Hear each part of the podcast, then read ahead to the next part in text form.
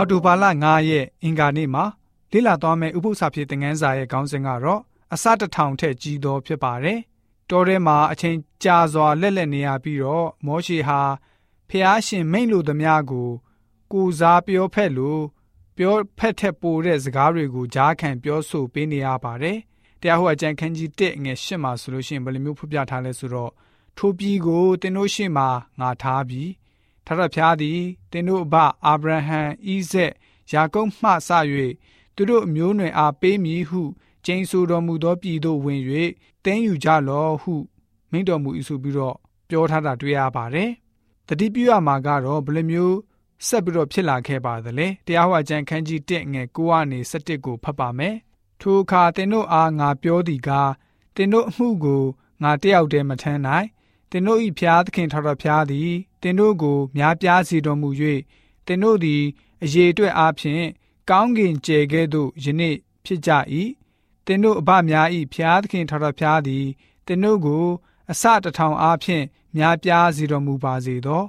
ဂတိတော်ရှိသည့်အတိုင်းကောင်းကြီးပေးတော်မူပါစေသော ဆိုပြီးတော့ဖော်ပြထားတာတွေ့ရပါတယ်။တဖန်ဖျားရှင်ရဲ့ကရုဏာတော်အကြောင်းကိုကျွန်တော်တို့မြင်တွေ့ရပြန်တာကတော့ တောမှာလှည့်လည်သွားနေရတော့လည်းပဲကောင်းကြီးတွေကိုတွန်းလောင်းပေးတော်မူခဲ့ပါတယ်။နေဟမိမတ်စာခန်းကြီး9ငွေ27မှာအနှစ်40ပတ်လုံးသူတို့ကိုအလင်းမစင်းရဲစေခြင်းကကျွေးမွေးတော်မူ၏။သူတို့အဝတ်မဟောင်းမနှွမ်းရ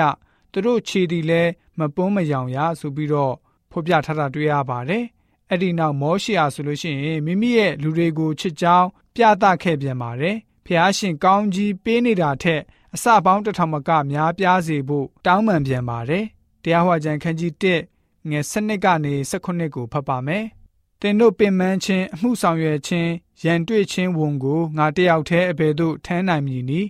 ဉာဏ်ပညာနှင့်ပြည့်စုံ၍အသေးရရှိသောသူတို့ကိုတင်တို့အမျိုးများထဲကရွေးပေးကြလော့သူတို့ကိုမင်းအရာ၌ငါခန့်ထားမည်ဟုပြောဆိုလျင်တင်တို့ကကိုတော်ပြောသည့်အတိုင်းပြုကောင်းပါသည်ဟုပြန်ဆိုကြ၏ ထို့ကြောင့်သင်တို့အမျိုးများ၌အသေးရရှိသောသူကြီးပညာရှိတို့ကိုငါရွေးချယ်ပြီးလင်သင်တို့တွင် မင်းလောက်ရသောသူဒီဟုသော လူတစ်ထောင်အုပ်တရာအုပ်90အုပ်30အုပ်အကျက်အစော်အရာ၌ခံထား၏တရားသူကြီးတို့အားလည်းသင်တို့ညီကို၏အမှုတို့ကိုနားထောင်၍အမျိုးသားချင်းတရားတွေ့သည်ဖြစ်စေတပါအမျိုးသားနှင့်တွေ့သည်ဖြစ်စေတရားသဖြင့်စီရင်ကြလော့ တရားအမှုကိုစီရင်သောအခါအဘယ်သူဤမျက်နာကိုမထောက်ရလူငယ်စကားကို လူကြီးစကားကဲ့သို့မှတ်ရမည်အဘယ်သူကိုမျှမကြောက်ရအကြောင်းမူကားတရားအမှုကိုဖျားသခင်ပိုင်တော်မူသောကြောင့်ဒီကိုယ်တိုင်မစီရင်တတ်သောအမှုကိုငါထံမှအယူခံရမည်ငါလည်းနားထောင်မည်ဟုမှာခဲ့၏ဆိုပြီးတော့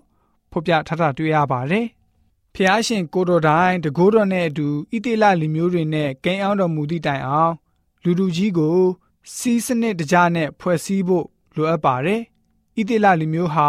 ခါဟောလ်တည်တက်တဲ့အဖွဲ့အစည်းဖြစ်ပါတယ်။ဓမ္မသစ်အချင်းကိုလန်ခင်းပေးတဲ့အာခလီရှာဆိုတဲ့ဟေလတာကအသင်းတော်ကိုတည်ထောင်ဖို့စံနမူနာအဖွဲ့အစည်းဖြစ်ပါတယ်။ကွဲပြားတဲ့အတွေးခေါ်ဘလောက်ပဲရှိပါစေ ရှင်ဘောလူဟာ ဂျူးလူမျိုးတွေရဲ့အခြေအမြစ်စတည်ရာကနေလုံးဝသွေဖယ်သွားခြင်းမပြုပါဘူး။ကောရိန္သုဩရစာပထမဆုံးခန်းကြီး7နှစ်အရာခန္ဓာကိုယ်မှာကွဲပြားတဲ့အင်္ဂါတွေမှာမိမိနေရာနဲ့မိမိအသုံးဝင်နေကြောင်းကိုအတည်ပြုထားခဲ့ပါတယ်။တရားဟောအကျမ်းကိုဖော်ပြထားတဲ့တည်သက်ကျမ်းနာတဲ့ဖွဲ့စည်းပုံကိုကန္နာယတောထဲမှာဖွဲ့စည်းခဲ့ပါတယ်။ယနေ့အသင်းတော်မှာအလိုခါဟောလ်အချိန်လိုကျမ်းနာစွာပြန်လည်ဖွဲ့စည်းသင့်ပါတယ်။မတူညီ ကွဲပြားတဲ့အရာတွေ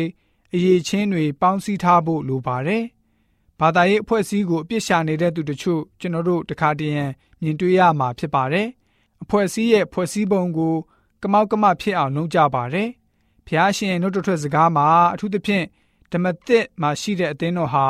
တစည်းတစ်လုံးရှိဖို့တွင်တင်ထားပါတယ်။တခုတည်းဖြစ်ဖို့ဆုံးမထားတာကိုလည်းပဲတွေ့ရပါတယ်။ဒီတကြောင့်ကျွန်တော်တို့ယဉ်ကျေးသူများအနေနဲ့အပြစ်ရှာတဲ့သူတွေမဖြစ်ဘဲနဲ့ ဖျားရှင်ရဲ့နှုတ်တော်ထွက်စကားအတိုင်းပဲတစည်းတစ်လုံးရှိစေတဲ့ယုံကြည်သူတွေဖြစ်စေဖို့အတွက်အင်္ဂါနေ့ဥပု္ပ္ပစာဖြစ်တဲ့ငန်းစာကဖော်ပြပေးထားပါတယ်။